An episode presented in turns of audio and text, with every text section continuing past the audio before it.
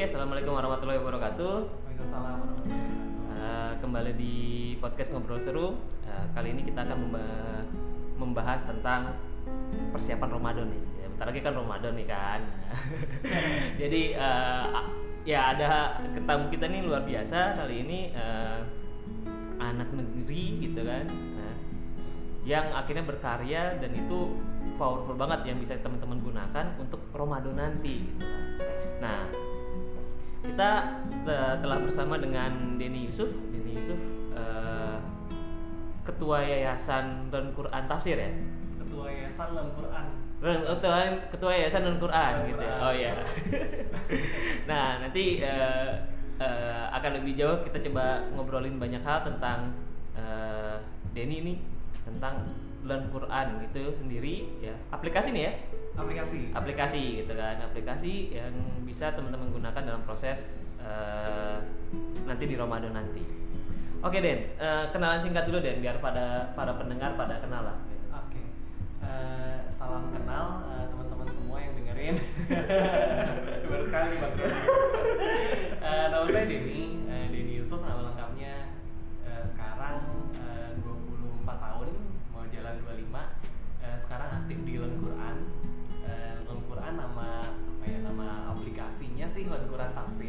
tapi kita ada di Yayasan Len Quran. Len Quran ini emang dari tahun 2015 eh, diseriusinnya ya memang kalau banget pertamanya kali eh, pertama kali banget tuh dari tahun 2012 sih dan waktu itu emang bader eh, bikin-bikin aplikasi gitu lah kayak iseng-iseng Ya. gitu kan terus eh, satu saat dia diupload kan ke Play Store Ya, betul. eh, tractionnya cukup tinggi akhirnya diseriusin lah tahun 2015 2015 gitu nah bergulir bergulir akhirnya tahun 2018 eh, bikin lemburan tafsir setelah aplikasi pertama lemburan tajwid itu eh, juga udah diluncurkan tahun 2015 kita lihat ini harusnya udah eh, lanjut ke misi kedua kita nih buat bantuin orang belajar tafsir Quran oke oh Jadi- jadi ada ada ada misi-misinya ya Oh iya, Heeh. nanti kita cerita lebih lanjut ya, Oke. tentang misi ya bang. Eh, terus kalau apalagi aktivitas mungkin selain di Quran eh, sebagai ketua yayasan, seharinya sebenarnya sebagai product manager sih bang. Sebagai ketua yayasan title juga aja sih Eh, lagi kuliah juga di UI jurusan Hmm. teknologi informasi. oke lanjut berarti nih ya S2 kan Lagi S2 Bang. lagi S2 ya oke masya Allah berarti sekal kerja sekaligus lagi kuliah juga. kuliah juga gitu ya tapi kuliahnya emang sejalan sih ya sama kerjaannya Iya, insya Allah sih bang.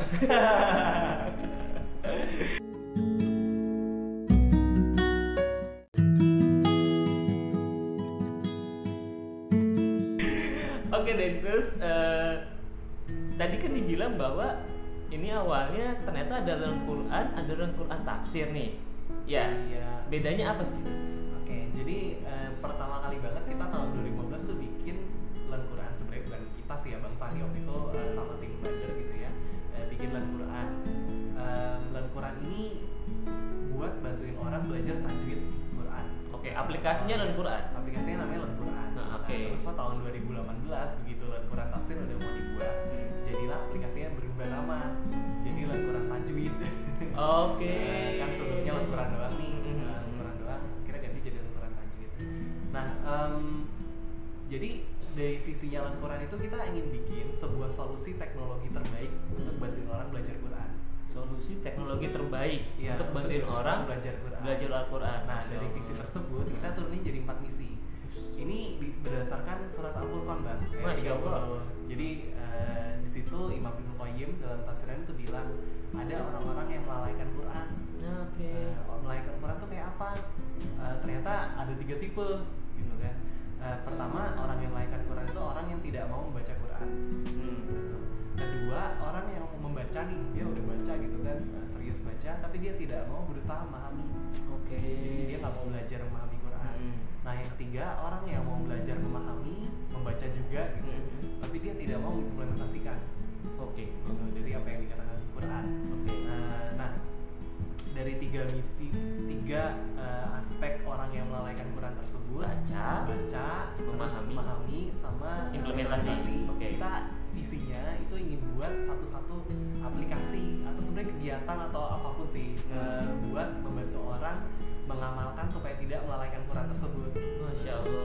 Nah, eh, itu kan kalau dirangkum tadi pertama membaca ya, Iya. kedua memahami, ketiga eh, mengimplementasikan. Kita tambahin satu lagi bang. Apa tuh? Karena animonya cukup besar di Indonesia dan di dunia sih. Hmm. Itu menghafal Quran. Oke.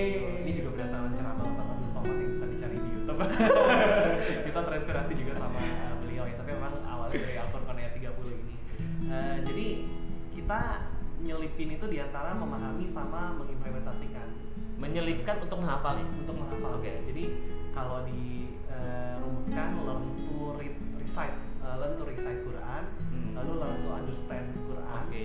learn to memorize Quran, sama terakhir learn to implement uh, Quran. Oke, berarti disisipkan di antara membaca sama Iya, memahami sama membaca gitu. sama memahami. Itu sesuai ceramah yang Ustaz Abdul Somad juga. Oh. nah, eh, tapi eh, sampai ini alhamdulillah kita udah implementasi sampai yang kedua. Jadi eh, kita yang megang milestone kedua, pertama untuk bantu orang belajar membaca sesuai tajwid dan makhraj. Kedua eh, buat membantu orang belajar memahami. Jadi Oke. eh, learn Quran tajwid buat aplikasi pertama, kedua learn Quran tafsir.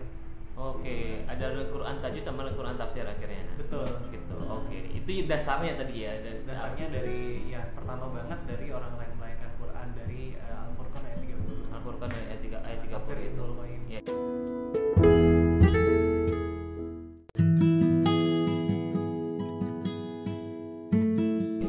Nah, lalu di aplikasi Al-Quran tajwid duluan kan nih yang muncul kan? Nah, yang duluan. Itu sekarang kondisinya kayak gimana? Katakan animonya banyak tuh. Nah, boleh di sharing nggak gimana tuh? Eh, jadi sekarang? buat Quran Tajwid sendiri memang sudah launch dari tahun 2015 ya, ya dari tahun 2015 sampai sekarang sudah 4 tahun berarti ya. Iya. Mungkin nggak nyam, belum nyampe 4 tahun banget sih. Hampir ya, hampir empat tahun lah ya. Alhamdulillah sampai sekarang sudah digunakan lebih dari satu juta orang. Really? Satu juta? juta ya. Satu setengah? Downloader ya bang. Downloader, oke. Di seluruh dunia dengan pengguna harian tuh ribuan. Pengguna hariannya ribuan. Dan eh, kita eh, memang pengguna terbanyak tuh di luar negeri bang. Sekitar Oh. 75 persen. Justru penggunanya lebih banyak di luar negeri ya, Iya. bukan di Indonesia ya? Bukan.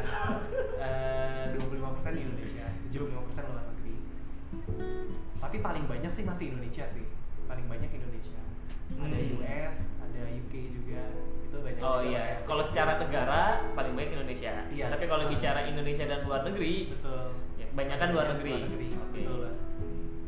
Em, kita eh, nerapin dua bisnis model juga buat aplikasi Al-Quran Tajwid. Ada freemium, lalu ada iklan. Oke. Gitu. Jadi eh, dari sana memang dia buat biaya operasionalnya lah. Oh dari situ lah ya biaya Eh, operasionalnya. buat iklan sama premium tadi. Oke, itu berarti kan kalau banyak yang di luar, yang di luar itu bukan WNI juga kan, tapi emang literally orang Iya, mereka. Iya. Oke. Eh, bisa mungkin kalau mau eh, tertarik gitu ya, banyak testimonials yang eh, mungkin ngasih komentar buat Al-Quran di Play Store kita. Hmm. Jadi di Play Store kita tuh ada orang komen dari Afrika, ada Wow. orang komen dari Somalia gitu ya. Eh, jadi orang-orang yang memang ngasih feedback lah buat Hmm. aplikasi kita dan komentar sih. Jadi eh, itu yang sehari-hari menyemangati kita buat eh, develop aplikasi.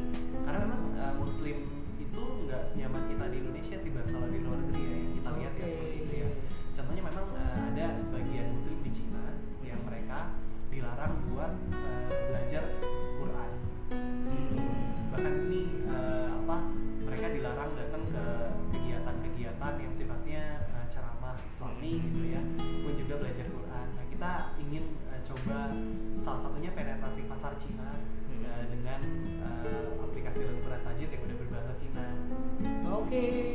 terus juga lain lagi misalnya Prancis Hmm. kalau misalnya kita di Indonesia gini ya kita mungkin bisa lihat eh, ada tiang listrik Hmm. terus ada nggak bisa belajar ngaji yuk hubungi nomor ini Iya, kan. gitu-gitu, Iya, betul, kayak betul. itu tuh banyak di Hmm. Indonesia kan nah coba kita mungkin ke Prancis jadi muslim minoritas gitu ya itu sangat sulit untuk mencari sebuah komunitas eh, belajar baca Quran komunitas muslim yang mungkin dia secara eh, mahras sama tajwid itu fasih juga udah pantas lah buat ngajar gitu ya Iya, betul. nah itu nggak gampang kalau di luar negeri Oke. Bang.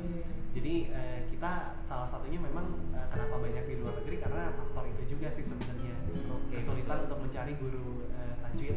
Oke, jadi emang kalau di, di- di Indonesia mungkin banyak lah ya, bahkan di setiap desa-desa gitu kan, setiap Iya. itu kan ada Iya, gitu, pengajian gitu kan, bagus gitu bagus. Depok ya. aja udah banyak banget gitu. Nah, jadi gampang lah kita bersyukur gitu ya sebagai Iya. orang Indonesia. Masya Allah. Hingga akhirnya ternyata uh, hadirnya Al-Quran itu banyak diterima dari uh, saudara-saudara kita yang di luar negeri sana yang kesulitan akses untuk uh, belajar Al-Quran. Betul kan belajar. Di awal sama expect-nya kayak gitu atau gimana sih? Jadi memang eh, kalau di awal ya kita merasa seperti itu juga sih. Oke. Jadi kita memang develop dari awal tuh udah pakai bahasa Inggris. Oke, emang mindsetnya udah global ya karena Global. udah tahu pasarnya ke arah sana ya. Iya. Oke. Nah kita untuk biaya marketing itu sampai sekarang dikit banget bang. Oke. Jadi eh, hampir nggak ada bahkan ya. Kita fokus ke pengembangan produk.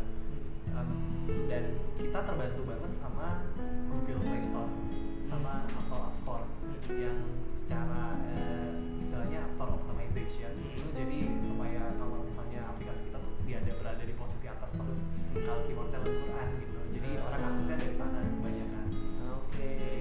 Eh, App Store sama Play Store orang luar nyari Al-Quran langsung Iya, muncul, betul. muncul ya. Pas juga sih emang ya. Ya, itu strategi sih bang. Kita ngambil keywordnya Al-Quran karena eh, ini most likely orang nyari dengan keyword ini buat belajar Quran gitu. Dan ternyata belum ada yang pakai gitu ya. Iya belum. Ada sih sebenarnya. Ada ya? Tapi kita eh, apa? Alhamdulillah bisa eh, top position lah. Oke, pas tapi kalau khairat lah ya kalau kayak gitu.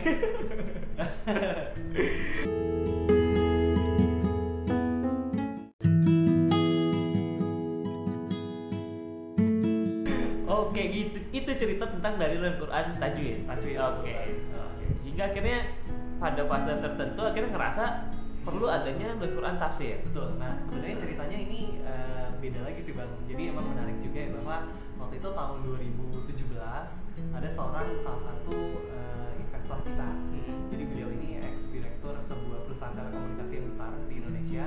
Beliau eh, resah nih dengan kondisi saat itu memang lagi rame eh, Al-Maidah ya. Eh, Oh, oke. 21 gitu ya. Terus juga 212. Nah, beliau bilang ini umat Islam harus punya sebuah sumber yang terpercaya eh, terutama yang di Indonesia ya buat tafsir Quran, buat memahami Quran. Karena waktu itu ketika Al-Maidah 51 itu ada, itu orang interpretasinya beda-beda bang. yang mungkin baru belajar eh, Quran gitu ya, itu bisa nafsirin gitu kan karena mungkin eh, ilmu yang dia dapat di internet juga atau mungkin dengar kabar sana sini. Nah beliau eh, yang eh, investor Al-Quran Tajwid ini eh, resah lah dengan kondisi ini karena memang harusnya kalau menafsirkan Quran itu nggak boleh dari orang yang hanya eh, mungkin baca-baca di internet aja gitu Hmm. atau dari terjemahannya aja Ya. tapi ada standar-standar khusus kalau orang mau bikin tafsir Quran. Dia harus fasih ke bahasa Arab dengan eh, kualitas tertentu lah. Hmm, harus betul. paham sekian ribu hadis harus hafiz juga. Mungkin juga harus eh, sanatnya sekian juga gitu ya. Dan eh, kualitas itulah yang nggak semua orang miliki. Oke gitu. Buat memahami Quran eh, medium yang kita punya yang udah diverifikasi sama ulama kan ada tafsir Quran. Ya, betul. gitu ya. Akhirnya beliau bilang oke kita harus bergerak di sini harus melanjutkan misi Al-Quran eh, buat bantuin orang memahami Quran. Dengan medium tafsir Quran tadi. Medium tafsir Quran. meskipun memang kalau Al-Quran tafsir sendiri ya eh, kita bisa jadi sih nanti di suatu saat nggak cuma tafsir doang gitu kan karena kan eh, sarana memahami Quran banyak gitu ya. Cuma Ya, betul. di awal ini kita mau fokus ke tafsir Quran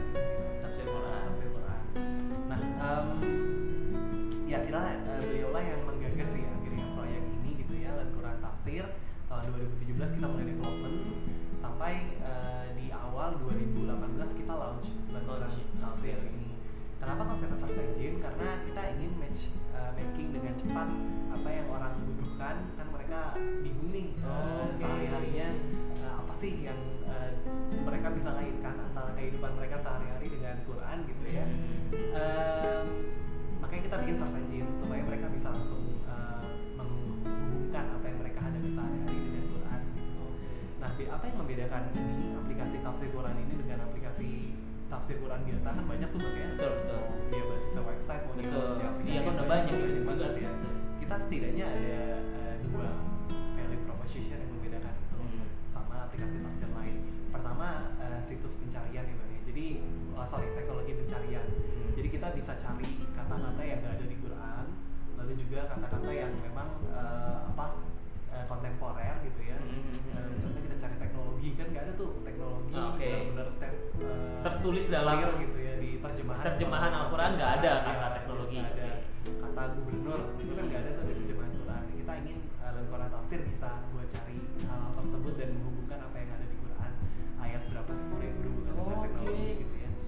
Kayak Google berarti ya iya nah yang kedua terpercaya bang jadi serisetnya kita Hmm. selain kayak situs besar kayak King Saud University Hmm, atau betul. apa gitu ya itu tidak ada situs yang berani menampilkan bahwa memang mereka sudah diverifikasi sama ulama yang eh, berkompeten Oke. atau sama lembaga yang berkompeten Ya, tentang tafsir yang udah dimasukin ke Hmm. aplikasinya Oh, gitu nah kita alhamdulillah sekarang eh,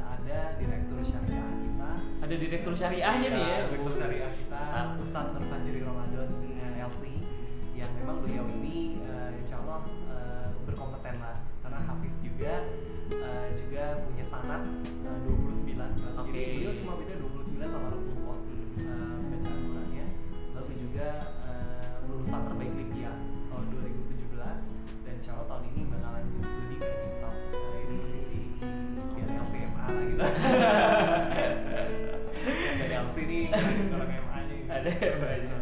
Jadi akhirnya perlu ada direktur syariahnya untuk Iya, menjaga betul, kualitas itu. Iya. Oke, dan meningkatkan apa? Memastikan ya, Memastikan. memastikan bahwa akhirnya publik itu kalau lihat ini beneran nggak sih ini Betul. gitu ya. Bisa trust dengan aplikasi kita. Oke, akhirnya perlu lebih buat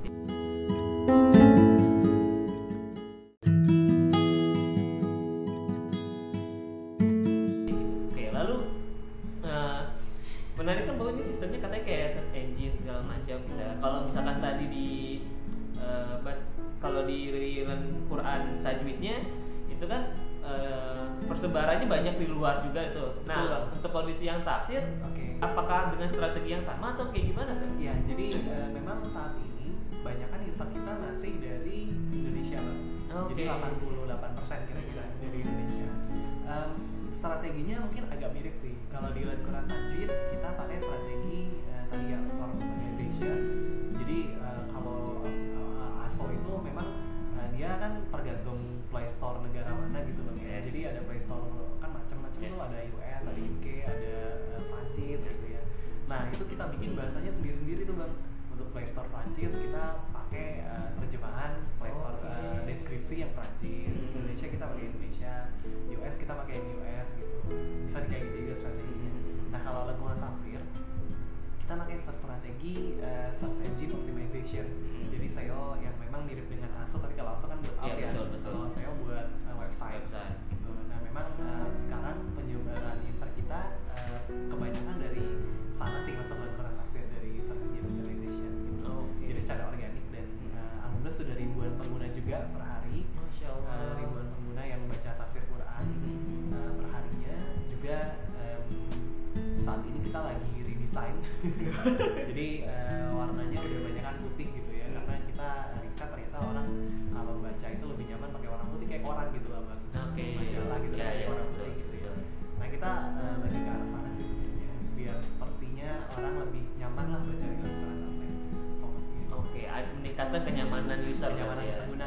Mengenai pengguna gitu ya. Oke. Menarik nih, Mbak. Eh, tapi kalau berarti kalau untuk yang Indonesia, tafsirnya tafsir bahasa Indonesia kan? betul tafsir bahasa Indonesia Oke, tafsir bahasa Indonesia. Jadi ini jadi salah satu mungkin uh, kesulitan kita juga sih ya buat uh, tafsir digital bang. Mm-mm. Jadi uh, kita udah datengin cukup banyak tuh ya uh, tafsir uh, kayak apa ya, penerbit tafsir tafsir di Indonesia gitu ya. Dan uh, sebagian besar memang masih uh, kesulitan untuk ngajak kerjasama dengan kita. Memang karena ketiadaan uh, file Word-nya jadi PDF gitu kan harus di scan yang pakai OCR teknologi Ya, yes, yes. itu akurasinya nggak nyampe 95 persenan Iya, bener. jadi itu work lagi tuh kalau eh, apa namanya ini pun juga di satu sisi ada juga kesulitan nih karena memang industrinya kan di buku bang ya? Betul. Jadi, kalau misalnya ini apakah menggerus Iya. eh, iya. Berarti ada kekhawatiran juga ya. juga. jadi kita nggak bisa menyalahkan sih ya. Memang concernnya gitu juga ya. Apalagi takut ini gratis kan? Jadi bisa-bisa jadi alternatif eh, mereka gitu. Tapi memang eh, alhamdulillah kita sampai dapat tafsir Indokasir sama jalan lain. Ada juga eh, kalau yang bahasa Indonesia ya ada empat kita. Ada empat. ada empat tafsir Ibnu Katsir tafsir jalan lain tafsir ringkas Kementerian Agama Mhm. sama tafsir lengkap Kementerian Agama Oke. jadi eh, kita alhamdulillah dapat izin ya dari Hmm. Kementerian Agama buat mencantumkan tafsir mereka di eh, aplikasi kita di mana Hmm. tafsir Anda baik eh, orang Kementerian Agama eh, kita banyak koordinasi lah sama eh, Kementerian Agama khususnya lajnah pentasian eh, lajnah pentasian Quran Oke. Kementerian Agama yang di ini bang Taman Mini Taman namanya. mini. Oke. Betul. itu sih eh, mungkin ya kalau tentang lembaran tafsir sih Bang, ya. Jadi empat ya, empat eh, tafsir. empat tafsir bahasa Indonesia Hmm. kalau dua bahasa Inggris bang jadi ada sekarang kalau bahasa Inggris ada Ibnu Katsir sama ada em, tafsir jalan lain Oke. Berarti eh, yang Ibnu Katsir pun tetap ada yang bahasa Indonesianya. ada Oke, berarti bagi yang masyarakat Indonesia pun nggak ma- empat-empat ini bisa dinikmati dengan bahasa Indonesia, Betul. gitu ya kan? Oke. Wah ini bermanfaat banget nih buat temen-temen ya, buat para pendengar, apalagi kamu Ramadan tuh kan, yang biasanya cuman baca gitu, misalkan, oh targetnya bacaan kejar-kejar gitu kan, jadi meningkat lah levelnya gitu kan, mulai bisa baca tafsir gitu segala macamnya, dan itu bisa kita kayak search engine bener gitu kan, kita Iya, bisa nikmatin bisa gitu ya? mencari bisa mencari Bisa gitu ya. Oke, bat, eh, dan itu bis, tetap bisa seperti baca Quran. Maksudnya oh oke. ya Eh, kita- atau gimana? Sebenarnya kita naruh ayat juga sih di halaman eh, ayatnya. Kita kan ada halaman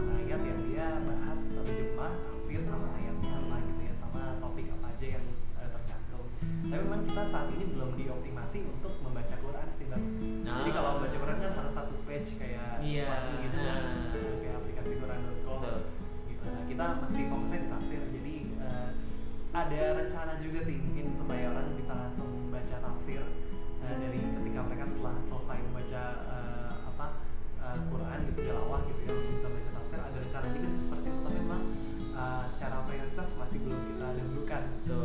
Oke. Itu menarik banget sih kalau nanti bisa seperti itu Oke, so memang akhirnya jadi ini bagi teman-teman nih yang akhirnya para, para pendengar setelah baca Quran gitu segala macam gitu kan. Jadi ada kita bisa ngecek di buka Quran tafsir untuk eh, mempelajari tentang tafsirnya, baca Betul. tafsir ya gitu ya. Tafsir. Oke, masya Allah.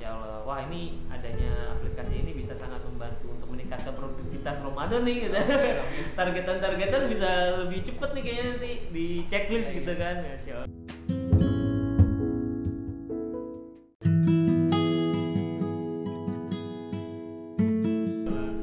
Oke Den. Nah kalau itu berkaitan dengan uh, produk tentang Al-Quran dan Al-Quran tafsir gitu kan. Di Denny sendiri, Denny kan emang backgroundnya uh, Fasilkom ya, Iya. ya kan ya. Nah, dia programmer gitu. Em, Atau gimana? Ya dulunya gitu kan. Nah terus kan biasanya kalau kayak gitu kan sekarang kan banyak peluang kerja untuk untuk itu kan ya untuk IT gitu segala macamnya kan tumbuh subur apalagi banyak startup gitu kan apa yang akhirnya ngebuat Denny waktu itu memilih terjun di dalam Quran gitu kan Oh. bukan yang tempat yang lebih besar besar misalnya yang dalam artian yang sudah yang sudah top top itulah atau di unicorn atau di mana lah gitu kan kok Iya, iya. kepikirannya akhirnya ke sini gitu Iya ya, Eh, berat juga nih bangun pertanyaannya. Jadi eh, memang kalau kenapa milih eh, di Quran gitu ya? Sebenarnya saya sekarang sih eh, punya passion terhadap tiga hal. Hmm. Pertama itu teknologi, kedua itu Islam, Hmm. ketiga itu bisnis. Nah dicari-cari gitu kan nih pasca kampus eh, apa yang bisa menghubungkan antara tiga hal ini ya? Ya karena waktu itu juga udah sempet di Quran eh, dan eh, ngerasa cukup nyaman dan visinya sesuai lah dengan apa yang Hmm. dicari gitu ya dalam Hmm. hidup. Akhirnya memutuskan gak menggelar Quran. Oke. Nah, Jadi dari tiga passion itu. Itu pertama ya dari eh, minat juga dari eh, em, passion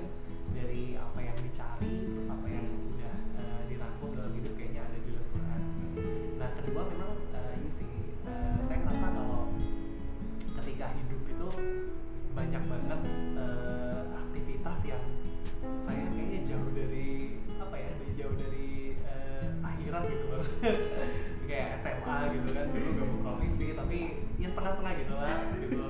Terus waktu kuliah juga kayaknya eh, banyak mengejar hal-hal yang eh, sifatnya tuh bukan akhirat gitu. Padahal memang itu harus dipikirkan dari eh, sekarang juga ya nggak nggak harus pas mungkin udah tua dan sebagainya tapi harus dipikirkan dari sekarang. Dan saya berharap gabung di lingkungan ini itu bisa jadi salah satu amalan eh, yang bisa saya andalkan gitu. Ah, oke. Nah, ketika nanti em, mungkin sudah eh, di hari tua kelak atau di akhirat gitu ya ditanya udah ngapain aja sih ya mungkin bisa jawab sedikit dengan Al-Quran gitu. Hmm. Eh, itu sih mungkin ya Bang ya. Oke. Eh, Kenapa gabung ke Al-Quran? kenapa gabungan Quran jadi akhirnya kesesuaian sama minat dan ada nilai diri yang nilai diri yang ya, yang pengen gitu ya oh tujuannya orientasinya akhirat gitu kan ya. ada ada hal yang kasarnya bisa diwariskan atau yang bisa dibawa lah pada saat nanti di yaumil akhir jadi malu sendiri nih kalau kayak gini ya, saya juga masih banyak kekurangan. Eh, ada yang lupa tadi di sisi lain memang eh, literasi Quran di Indonesia itu masih cukup rendah. literasi Quran Indonesia Ya, rendah sebenarnya mungkin nggak bisa dibilang rendah juga sih ya, tapi ini kita melihat sih sebagai peluang sih Bang, sebenarnya. Jadi eh, 50% orang di Indonesia itu belum bisa baca Quran. Really? 50% orang di Indonesia Iya. belum bisa baca Quran? 50% Muslim. Muslim ya, Muslim di Indonesia nggak bisa. bisa baca Quran. Itu data Basnas tahun dari Basnas. Dari 50% itu ternyata hanya eh, 20% yang bisa baca Quran sesuai tajwid dan makhraj. Jadi eh, masih eh, sedikit sekali orang yang bisa baca Quran sesuai tajwid dan makhraj gitu ya. Padahal itu penting, Hmm. Eh, penting sekali. Kalau kita baca salah sedikit gitu ya, Ya. harokatnya atau mungkin bahkan eh, apa hurufnya Ya gitu. panjang pendeknya beda aja kan beda aja, bisa beda arti gitu. nah itu eh, itu khawatir karena eh, Allah juga bilang kalau pilih Qurannya tartila gitu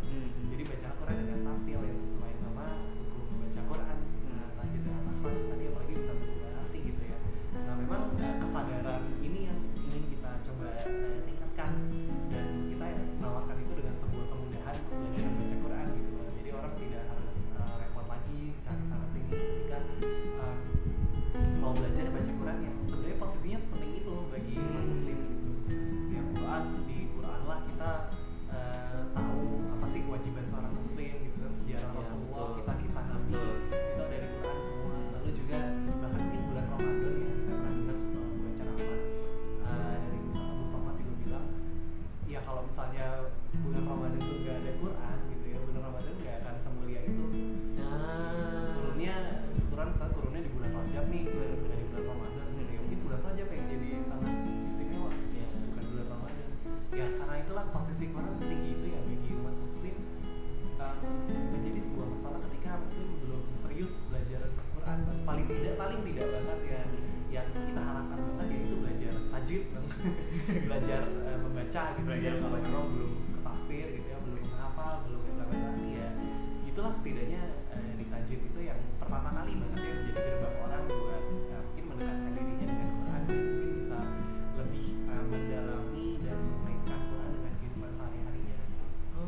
masya Allah. Oke, menarik banget ya bahwa saya baru tahu tuh tentang literasi Quran untuk iya umat Muslim di Indonesia ya bahwa dari 50% yang bisa baca Quran hanya 20% Iya. ya baru dua bukan bukan hanya baru 20% ya Iya. yang bisa membaca Al-Quran sesuai dengan tajwidnya gitu Ah, kan. betul. Wah itu peluangnya masih besar Ya, sekali kita gitu ya. itu mungkin satu sisi mungkin kita agak sedih gitu tapi satu sisi itu peluang juga sih ya betul betul betul.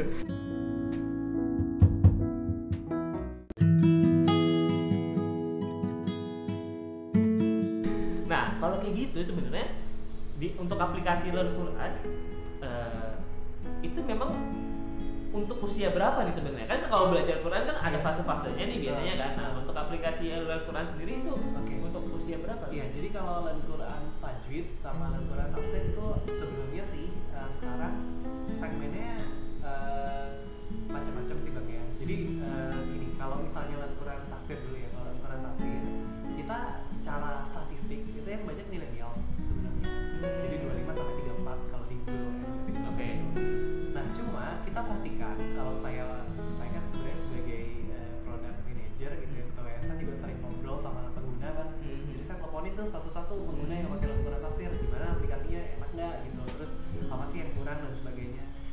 dari riset itu saya perhatikan bahwa ternyata orang yang loyal pakai aplikasi kita, yang benar-benar kayaknya dia dapat manfaat, terus dia tercelaka dan sebagainya tuh adalah justru para baby boomers Oh, Oke. jadi orang-orang yang uh, sebenarnya sudah pensiun gitu ya Mm-mm. atau sudah uh, mungkin di uh, penghujung usia ya mereka Usia lah. usia apa ya ya inilah ya mungkin udah lewat dari usia produktif gitu ya Nah, mereka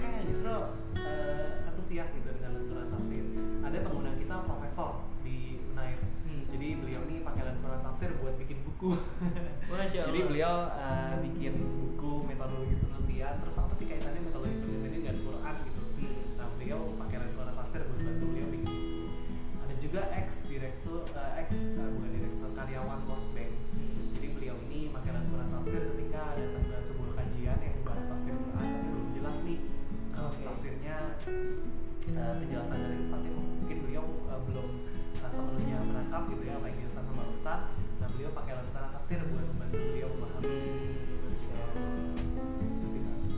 kalau Al-Quran tajwid uh, statistika detail banget saya kurang tahu sih bang ya karena memang uh, yang megang kebetulan bukan saya gitu cuma memang uh, salah satu yang banyak juga milenial sih. Oke.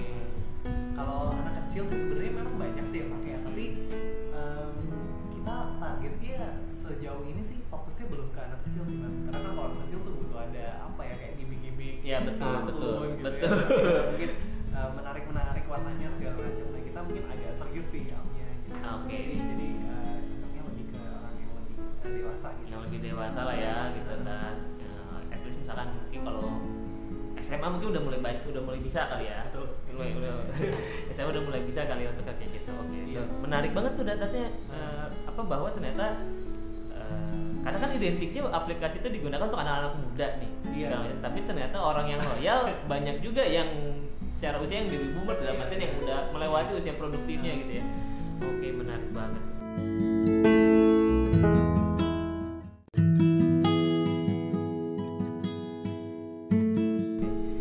Oke dan eh, se- selanjutnya dari apa rencana Al-Quran selanjutnya? Oke. Eh, kalau Al-Quran tajwid sama tafsir masing-masing punya mimpi sih bang ya. Kita Mhm. punya visi tadi buat menjadi alat belajar Quran terbaik di dunia. Ya. Nah, buat mencapai itu tentu nggak gampang gitu ya. Butuh ada master-master, butuh ada usaha yang mungkin keras dan mungkin dana yang tentunya nggak sedikit juga. Kalau Al-Quran tajwid eh, sejauh yang kita eh, kan sebenarnya fokus kita saat ini adalah menaikkan retensi bang. Hmm. Jadi supaya orang bisa belajar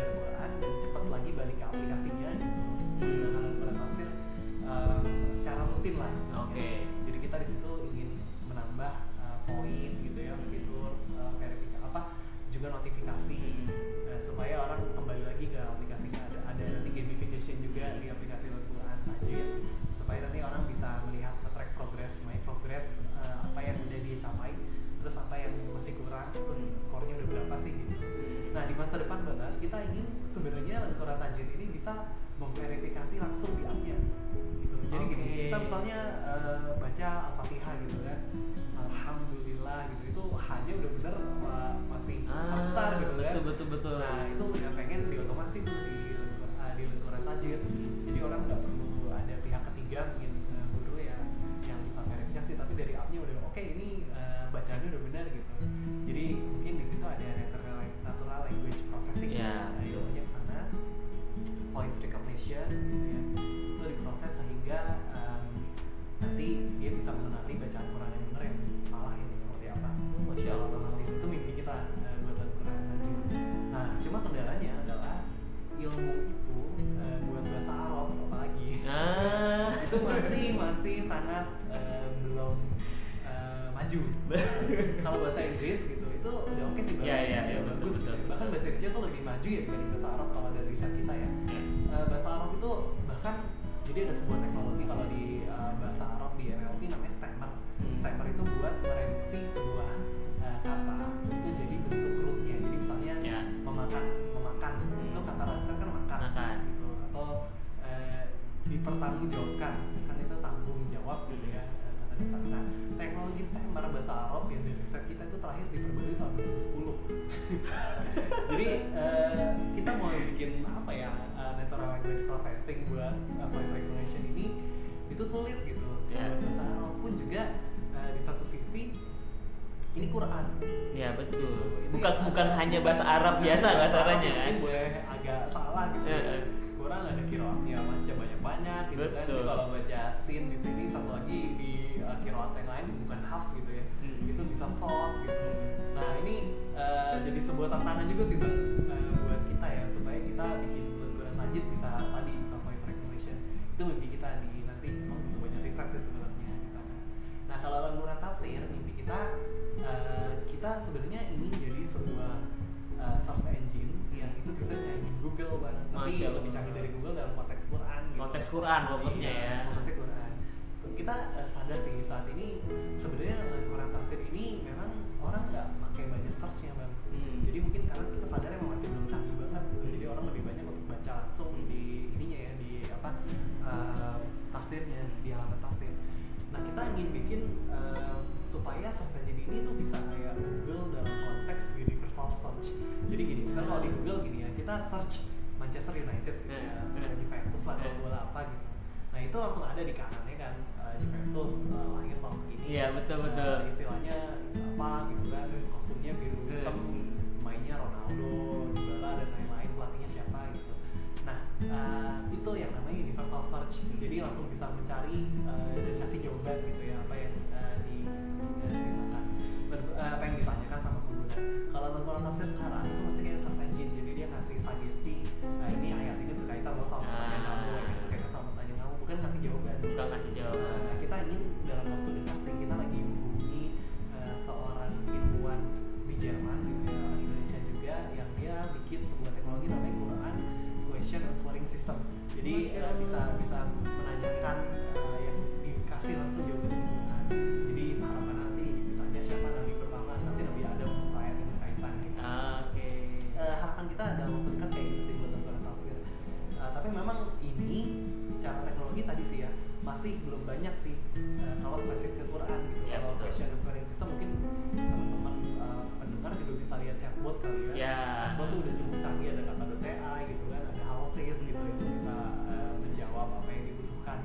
langsung gitu. Kalau konteksnya memang buat jual beli kalau bahasa sana banyak karena eh, mungkin eh, fokus ke sana industrinya tuh eh, menarik gitu Menarik. buat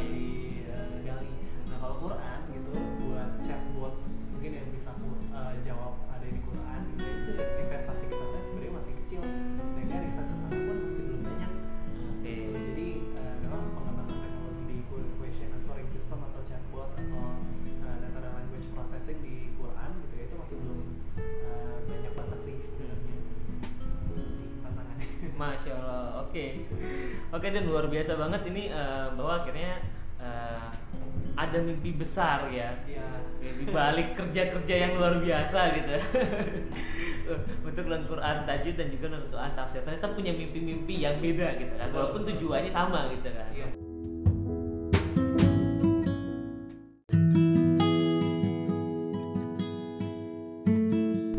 Eh, apa nih yang secara spesifik untuk di as a personal ini misalnya gitu ya eh, untuk Ramadan nanti untuk Ramadan ntar lagi nih kita Ramadan nih Oke. nah, Eh. apa sih nih persiapan eh, persiapan eh, yang perlu bisa dikasih saran kepada para pendengar Oke. untuk menyambut Ramadan nih persiapan apa aja nih yang bisa dilakukan Oke siap. Eh, Oke. Jadi sebenarnya kalau dari Lan Quran sendiri ya kita alhamdulillah eh, emang mungkin Islamic working environment sholat gitu terus apa waktunya eh, Jumat pada al kafian gitu ya. Jadi emang udah cukup bagus sih lingkungannya. Saya beruntung sebenarnya punya lingkungan yang seperti itu. Jadinya saya eh, cukup sadar dan selalu diingatkan lah kalau misalnya eh, butuh uh, pengingatan atau saat-saat waktu ibadah dan sebagainya gitu. Nah kalau di Lenkuran sendiri sih kita emang ngerencanain itikaf bareng bang. Oh iya, asik. Jadi nanti karyawan Quran gitu ya itu cari sebuah masjid bareng program apa gitu di sana. Em, jadi persiapan Ramadan ini sebenarnya kalau di Lenkuran sendiri mungkin cari lingkungan sih bang ya. Hmm. Jadi kita dapat sebuah lingkungan yang bagus tuh insya Allah akan mendorong kita eh, buat eh, jadi lebih baik dan mempersiapkan Ramadan juga jadi lebih baik sih. Bang. Oke. Eh, cari lingkungan yang bagus gitu. Jadi itu saya rasakan, saya rasakan sih ketika di lingkungan. Oke ini udah mau Ramadan nih, kita Oke. perlu ngapain gitu. jadi nggak cuma untuk target personal aja sebenarnya Iya, ya tapi- tapi akhirnya iya. yang pribadi-pribadi tapi gimana caranya kita cari lingkungan itu gitu sebenarnya ya oke itu bisa mengakselerasi gitu betul. Eh, em, persiapan lain yang kalau tapi kalau dalam Quran as eh, aplikasinya itu mungkin nanti aja kali ya. Oke, Soalnya siap, siap, iya, siap. nanti kita ini bocorin mohon dinantikan para pendengar nanti kita insya Allah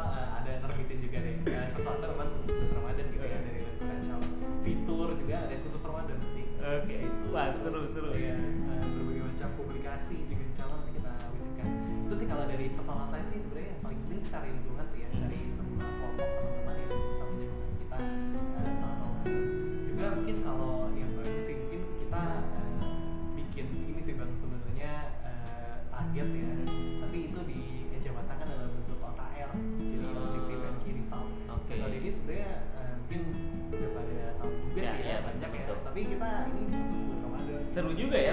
ya gak kepikiran juga baru kepikiran loh target Ramadan diturunin ke OKR ya. Iya, itu bagus ada juga tuh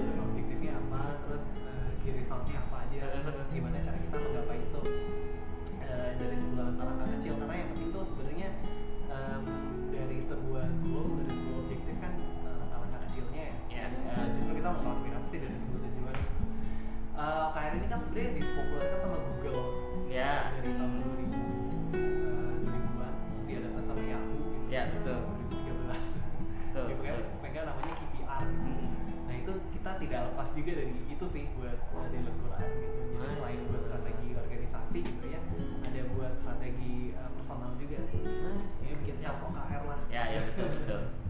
Oke Den, eh, thank you banget atas waktunya. Sukses terus buat Qurannya, baik untuk At-Tajwid maupun Quran tafsirnya, gitu ya. Eh, dan para pendengar silahkan coba eh, download nih eh, untuk mencoba mendapatkan experience-nya langsung nih dari Quran Tajwid maupun Quran tafsir di App Store ada ya, Ya, ya kan?